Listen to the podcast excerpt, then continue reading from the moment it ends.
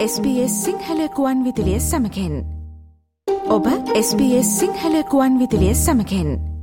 මේ ගෙවියන මාසේ ඔස්ට්‍රලියාවේ ෆොස්ට කයාරින් පිළිබඳව දැනුවත් කිරීමේ මාසය විදිහට තමයි හැඳින්වෙන්න ඉතින් අපි හිතුවා විශෂයෙන්ම ඔස්ට්‍රලියාව තුළ දරුවෙකු ෆොස්ටකයා කිරීම දිහමනත්තන් දරුවෙකුට කැපකරු මාපිය සත්කාරය ලබාදීමේදී ඔබ දැනගතයුතු කාරණා කිහිපයක් පිළිබඳව සාකච්ඡා කරන්නට අපි මේ සාකච්ඡාවට සම්බන්ධ කරගන්නවා මෙල්වනුවර සායනික මනෝච්චිකිත්සක හර්ෂණී ඇල්ගිරිය මහත්මිය.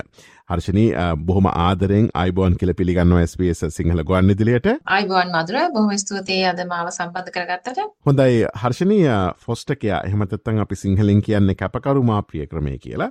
මේ කැපකරු මාපිය ක්‍රමය කියන්නේ මොකක්ද? ඒවගේම ඔස්ට්‍රලයාාව මේ ෆොස්ටකයා ක්‍රියාත්මක වෙන්නේ කොහොමද කියලා අපි මුලින්ම පැහැදිලි කරමු. ඕ මදුර ෆොස්ටකයා කියලා කියන්නේ ඕනම වයසක දරුවෙක් තමන්ගේ පවුලෙන් ඉවත් වෙලා කියන්නේ තමන් ජීවත් වෙන තමන් තමන්ගේ පවුලෙන් ඉවත් වෙලා වෙනත් පවුලක් සමග ජීවත් වීමට පටන් ගැනීම. මෙතෙන්දී මේ ෆොස්ටර් කෙයාරින් බොහොම කෙටි කාලීනවත් කෙර සිද්ධ වෙනවා එහෙම නැත්නම් දීර්ඝ කාලීනවත් සිද්ධ වෙන්න පුළුවන්. ඒක නොයෙකුත් පට්ටම් වලින් සිද්ධ වෙනවා. ඉතින් මෙතෙන්දි වෙන්නේ ඒ දරුවව අවශ්‍ය ඒ දරුවට අවශ්‍ය කරන ආරක්ෂාව, රැකවරණය, ඒ වගේම පෝෂණය ලබා දෙමින් දරුවව රැක බලා ගැනීම. එතනින් එහාට ගියහම ඕස්ට්‍රේලියාවේ හැම ප්‍රාන්තයකටම අදාළ ෆොස්ටර් කෙයා ඒජන්සීස් තියෙනවා. ඒවා ක්‍රියාත්මක වෙන්නේ මේ ඕස්ට්‍රේලියන් ගවර්න්මන්ට් එකෙන් දෙන ෆන්ඩින් වලින්.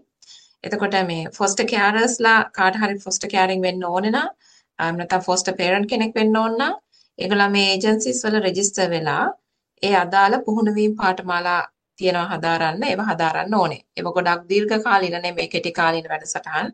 ඒව හදාරන්න ඕනේ. ඒ තුලින් තමයි මේ පේරන්ට් හෝ ඒ කෙයාරට අවශ්‍ය කරන දැනුම අවශ්‍ය කරන ස්කිල්ස් ටික ලබා දෙන්නේ.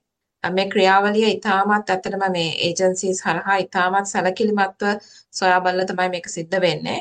ඉතින් තමන්ගේ ප්‍රාන්තයට අදාළව ෆොස්ටර් කෙයාර් ඇසෝසියේෂන් වෙබ් අඩවියට පිවිසලා බැලුවොත් කවුරු හරි ෆොස්ටර් පේරන්ට් කෙනෙක් වෙන්න කැමති කෙනෙක් ඉන්නවා නම් එහෙම නැත්නම් ඒ සම්බන්ධව ලියාපදිංචි වෙන්න කැමති කෙනෙක් ඉන්නවා නම් වැඩි විස්තර ලබා ගන්න ලබා ගන්න පුළුවන්. මොකද හැම ප්‍රාන්තයෙන් ප්‍රාන්තයටම ඕස්ට්‍රේලියාව තුළ යම්කිසි මට්ටමකින් ඒගොල්ලන්ගේ අවශ්‍යතාව වෙනස් වෙනවා. ඒකින්ද තමන්ගේ ප්‍රාන්තයට අදාළ වෙබ් අඩවියට පිවිසුනා නම් ඒකට කියන්නේ Foster Care Association වික්ටෝරියා වල නම් Foster Care Association in Victoria. ඒ වගේ අඩවියට පිවිසලා ලබා ගන්න පුළුවන්. හොඳයි හර්ෂණි දැන් ඔස්ට්‍රලියාවේ දරුවෙකු මේ ෆොස්ටකයා කිරීමේදී අදාළ දෙමවපියන් මුහුණදිය හැකි අභියෝගමනවාද. ඕ මදුර මෙතැන්දී පැති කීපයකින් අපිට මේ අභියෝග ගැන කතා කරන්න පුළුවන්. දැන් භෞතික මූල්‍යමය වගේ අභියෝගවලට නම් සහනයක් ෆොස්ටර් කෙයා ඒජන්සීස් වලින් කැපකරු මාපියන්ට ලබා දෙනවා. මොකද ඒ දරුවන්ව රැක බලා රැක බලා ගන්න අවශ්‍ය කරන මූලික වියදම් ඒ වගේම මූලික allowances වගේ දේවල් ෆොස්ටර් කෙයා ඒජන්සියෙන් ලබා දෙනවා. නමුත් අපි මම ටිකක් වැඩිපුර කතා කරන්නම් මනෝ සමාජීය අභියෝග පිළිබඳව. මොකද ඒක හරි වැදගත් අපි අපි හැමදේම සපුරලා එතෙන්ට ගියත් සමහරක් වෙලාවට අපිට ඒ දරුවෙකු තේරුම් ගන්න දරුවෙක් එක්ක වැඩ කරන්න ටිකක් අපහසුතාවයන් නැති වෙන්න තියෙන ඉඩ කඩක් තියෙනවා එතෙන්දී. කරන්න බෑ නෙමෙයි. නමුත් අභියෝග ඇති වෙන්න පුළුවන්. ඉතින් ඒ අභියෝග දැනගෙන අපි ඒක පටන් ගත්තොත් අපිට ඒ ගමන යන්න ටිකක් පහසුයි ඒ ළමයාට සහ ෆොස්ටර් ෆැමිලි එකටත් කියලා දෙගොල්ලන්ටම. ඉතින් ෆොස්ටර් කෙයා ෆැමිලි එකකට දරුවෙක් එන්නේ බොහෝ විට තමන්ගේ පවුල ජීවත් වීමට අනාරක්ෂිත ඕ එහෙම නැත්නම් ඒ දරුවව පෝෂණය කරන්න නැත්නම් දරුවගේ වැඩිවීමට අවශ්‍ය කරන නර්චරින් නීඩ්ස් ෆුල්ෆිල් කරන්න නොහැකි වුණාම. ඉතින් මේ දරුවන් බිඳුවේ සිට 18 දක්වා ඕනෑම වයස් කාණ්ඩයක කෙනෙක් වෙන්න පුළුවන්. අපි මෙහෙම හිතමුකෝ දැන් දරුවෙකු දිගින් දෙකටම දෙමාපියන් හෝ වැඩිහිටියන්ගේ ආරවුල් දකිනව නම් එහෙම නැත්නම් වැඩිහිටියෝ ඒ දරුවව දිගින් දිගටම ෆිසිකලි වර්බලි හෝ ඉමෝෂනලි හිංසා කරලා තියෙනවා නම් නැත්නම් සෙක්ෂුවල් හැරස්මන්ට්ස් වල ලක් වෙලා තියෙනවා නම් මේ දරුවා දැනටම ලොකු ට්‍රෝමා එකක් අරගෙන තමයි එන්නේ. ඒ අළඟ ළඟ වැඩිහිටියෝ පිළිබඳව තියෙන හෝ සමස්ත ලෝකයේම පිළිබඳව තියෙන විශ්වාසය ගොඩාක් අඩු වෙන්න පුළුවන්. ඒ කියන්නේ අනිත් අය පිළිබඳව අවිශ්වාසයක් එහෙම නැත්නම් කලකිරීමක් බයක් චකිතයක් තියෙන්න පුළුවන්. ඉතින් අපි මේ කතා කරන්නේ වැඩෙන මනසක් ගැන. ඉතින් වැඩෙන මනසක් තුල තියෙන අනියත බිය හෝ අනාගතයේ තියෙන බිය ඉතා වැඩි වෙන්න පුළුවන්. ඒ වගේම දරුවන් ඉන්නවා කෙටි කාලයක් තුලදී ෆොස්ටර් ෆැමිලිස් කීපයක් එක්ක ජීවත් වෙන්න සිද්ධ වෙලා තියෙන. සමහරක් විට මාස 6ක් 8ක් මාස 12ක් ඇතුළත ෆොස්ටර් ෆැමිලිස් 7-8ක් එක ජීවත් වෙන්න සිද්ධ වෙලා තියෙන්නත් පුළුවන්. ඊට වැඩි වෙන්නත් පුළුවන්. එතකොට මේ දරුවන්ගේ මානසික ශාරීරික සහ සමාජීය සමතුලිතතාවයත් දිගින් දිගටම බිඳ වැටලා තියෙන්න පුළුවන්. ඉතින් ඒ වගේ අවස්ථාවලට මුහුණ දෙලා ඉන්න දරුවෙක් ගොඩක් ආදරෙන් සහ කැමැත්තෙන් ෆොස්ටර් ෆැමිලිස් වලට ඉතා ඉක්මනින් එකතු වෙන්න තියෙන අවස්ථාව ගොඩක් අඩුයි. ඒ වගේම ෆොස්ටර් කෙයාර් um, කෙනෙකුත් සමහරක් විට මුල්ම වතාවට පේරන්ටින් කරනවා වෙන්නත් පුළුවන්. මොකද ෆොස්ටර් පේරන්ට් කෙනෙක් වෙන්න Tamanට දරුවෙකු සිටිය යුතුම නැහැ. විවාහක අවිවාහක දරුවන් ඇති නැති කියන සිද්ධීන් ෆොස්ටර් පේරන්ට් කෙනෙක් වෙන්න බාධාවක් නෙමෙයි. Tamanට දරුවන් සිටියත් නැතත් ෆොස්ටර් පේරන්ට් කෙනෙකුට Taman ළඟට එන මේ දරුවම හඳුනා ගන්න සහ අපි හිත මේ දරුවන්ගේ අවශ්‍යතාවයන් හඳුනා ගන්න ඕනෑ පාකම් හඳුනා ගන්න කාලයක් ගත වෙන්න පුළුවන්. ඒ වගේම තමයි මේ දරුවන්ටත් ෆොස්ටර් පේරන්ට් එක්ක විශ්වාසයක් ගොඩනගා ගන්න සැලකිය යුතු කාලයක් ගත වෙන්න පුළුවන්. සමහරක් විට අපි හිතමු short term foster parenting arrangements වලදී නම් මෙහෙම හඳුනා ගන්න කාලයක් ලැබෙන්නෙම නැති වෙන්නත් පුළුවන්. ඔව් දැන් අපි අභියෝග පිළිබඳව කතා බහ කරා හර්ෂණී ඒ අභියෝග ජයගන්නේ කොහොමද කියලත් අපි මෙතනදී මතක් කරමු. ඕ මధుර දැන් මං කිව්වා වගේ කලින් කතා කර විදිහට දිගින් දිගටම අර දෙපැත්තෙම වෙන්න පුළුවන් අසමතුලිතතා නිසා හඳුනා ගැනීමට කාලයක් ගත වෙන්න පුළුවන්. ඉතින් ඔතෙන්දී ෆොස්ටර් පේරන්ට්ස්ලා දිගටම ෆොස්ටර් ඒජන්සීස් මගින් ලබා දෙන පුහුණු පාඨමාලා සහ සපෝට් ගෲප් එක වැඩ කරන එක ඉතා වැදගත්. ඊළඟට ෆොස්ටර් පේරන්ට්ස්ලාට එන්න පුළුවන් පේරන්ටින් ස්ට්‍රෙස් එක සහ ඩිස්ට්‍රෙස් එක. ඒ වගේම එයාලගේ පේරන්ටින් ස්ටයිල්ස් පිළිබඳව හොඳ අවබෝධයක් ඇති කරගන්න එක මෙතෙන්දී ගොඩක් ප්‍රයෝජනවත් වෙන්න පුළුවන්. තවත් වැදගත් දෙයක් තමයි ඒ දරුවන්ගේ ඩිස්ට්‍රෙස් එක මොකද මේ දරුවෝ අපි කලින් කිව්වා වගේ මානසික ව්‍යාකූලතාවයක් ඇති වෙලා තියෙන තැනක ඉඳන් තමයි මෙතෙන්ට එන්නේ. එහෙම නැත්නම් එයාගලන්ගේ රැකවරණය ආරක්ෂාව තහවුරු කරන්න බැරි තැනක ඉඳන් තමයි මෙතෙන්ට එන්නේ. ඒතර මේ දරුවෝ යම්කිසි ඩිස්ට්‍රෙස් එකක් අරගෙන එනවා. ඒ ඩිස්ට්‍රෙස් එක ෆොස්ටර් පේරන්ට්ස් ලගේ තමන්ගේ තියෙන සිතුවිලි තමන්ගේ තියෙන නොයෙකුත් ඩිස්ට්‍රෙසස් ට්‍රිගර් කරන්නත් පුළුවන්.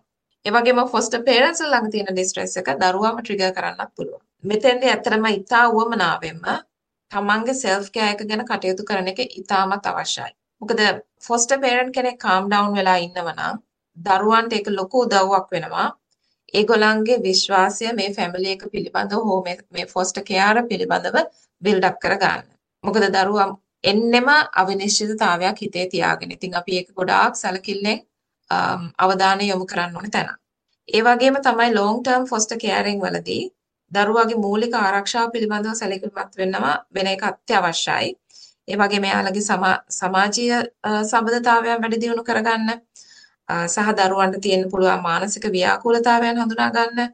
ඒ වගේම ඒවට අවශ්‍ය කරන උදව් ලබා දෙන්න සහ ප්‍රොෆෙෂනල් හෙල්ප් ලබා දෙන්න උදව් කරන එක. ඒව තුලින් අපිට මේ අභියෝග ජය ගන්න ගොඩාක් අවශ්‍ය කරන උදව්ව ලබා ගන්න පුළුවන්. ඊටත් අමතරව මේ දරුවන්ගේ තියෙන්න පුළුවන් ශාරීරිකව අවශ්‍ය වෙන අවශ්‍යතාවයන් සහ ශාරීරික සෞඛ්‍ය පිළිබඳව සැලකිලිමත් විය යුතු අවස්ථාවල් තියෙන්න පුළුවන්. මේ වගේ දේවල් ගැන හොඳ අවධානයකින් ඉන්න එක, මේවට අවශ්‍ය කරන ප්‍රොෆෙෂනල් සපෝට් එක ගන්න එක, මේවා ගැන නොතේරෙන තැන් තියෙනවා නම් ඒ ෆොස්ටර් කෙයාරින් ඒජන්සීස් වලින් ඒවත් එක්ක කතා කරලා ඒ අදාළ පුද්ගලයන්ගෙන් දැනුම අරගෙන ඒවත් එක්ක කටයුතු කරන එක ගොඩක් වැදගත්. මොකද මතක තියාගන්න ලොකුම දේ තමයි ෆොස්ටර් පේරන්ට් um, කොයිලාකත් තනි වෙලා නෙමෙයි මෙතන ඉන්නේ. මෙතෙන්දී uh, දරුවාගේ මූලික පවුල, ඒ කියන්නේ බයොලොජිකල් ෆැමිලි එක, ඒ වගේම ෆොස්ටර් කෙයාර් ඒජන්සි එක සහ ෆොස්ටර් ෆැමිලි එක කියන කොටස් තුනම එකතු වෙලා වැඩ කරනවා. වැඩ කරන්න පුළුවන් අවස්ථාවලදී. වැඩ කරන්න බැරි අවස්ථාවලදී ෆොස්ටර් ඒජන්සි එක අනිවාර්යයෙන්ම ෆොස්ටර් ෆැමිලි එකේ උදව්වට ඉන්නවා. ඉතින් Taman තනි වෙන්නේ නැතුව අර අදාළ ආයතන වලින් උදව් ලබා ගනිමින් අදාළ පුද්ගලයන්ගේ උදව් ලබා ගැනීම වැඩ කරන එක මේ අභියෝග ජය ගන්න ලොකු උදව්වක් වෙනවා. ඒ වගේම තමයි තමන්ගේ මානසික මට්ටම තමන්ගේ තියෙන මානසික ව්‍යාකූලතාවයන් parent හෝ adult කෙනෙක් හැටියට ඒ foster families තුලදී අපි සැලකිලිමත් වෙන්න ඕනේ. මොකද අපේ මානසික සමතුලිතතාවය දරුවන්ගේ මානසික සමතුලිතතාවයට ඉතා ඉහළින් බලපානවා. හොඳයි. අපි කතා බහ කරමින් පසු ඒ ඔස්ට්‍රලියාව තුළ මේ දරුවෙකු ෆොස්ටකයා කරන්නේ කෙසේද? නැත්තං ඔබට කැපකරු මාපිය ක්‍රමයට තේ දරුවෙක් හදා වඩාගන්නේ කොහොම දොස්ට්‍රලියාව තුළ කියන කාරණාව සම්බන්ධයෙන්? මොකද මේ ගෙවියන්නේ? පොස්ටකයාරිං පිළිබඳව දැනුවත් කිරීමේ මාසය නිසාවෙන්ම. අපි මේ සාකච්ඡාවට සම්බන්ධ කරගත්තේ මෙල්බනුවර සායනික මනෝචිකිත්සක හර්ෂණී ඇල්ගිරිය මහත්මිය. හර්ෂණි බොහොමත්ම ස්තුතිවන්ත වෙන ඔබේ වටින අදහස් අපිත් සමඟ බෙදාහදා ගැනීම සම්බන්ධයෙන් සුබ දවසක් ප්‍රාර්ථනා කරනවා. බොහොම ස්තුතියි මధుර ඔබටත් සුබ දවසක්. SBS SBS SBS SBS SBS SBS Radio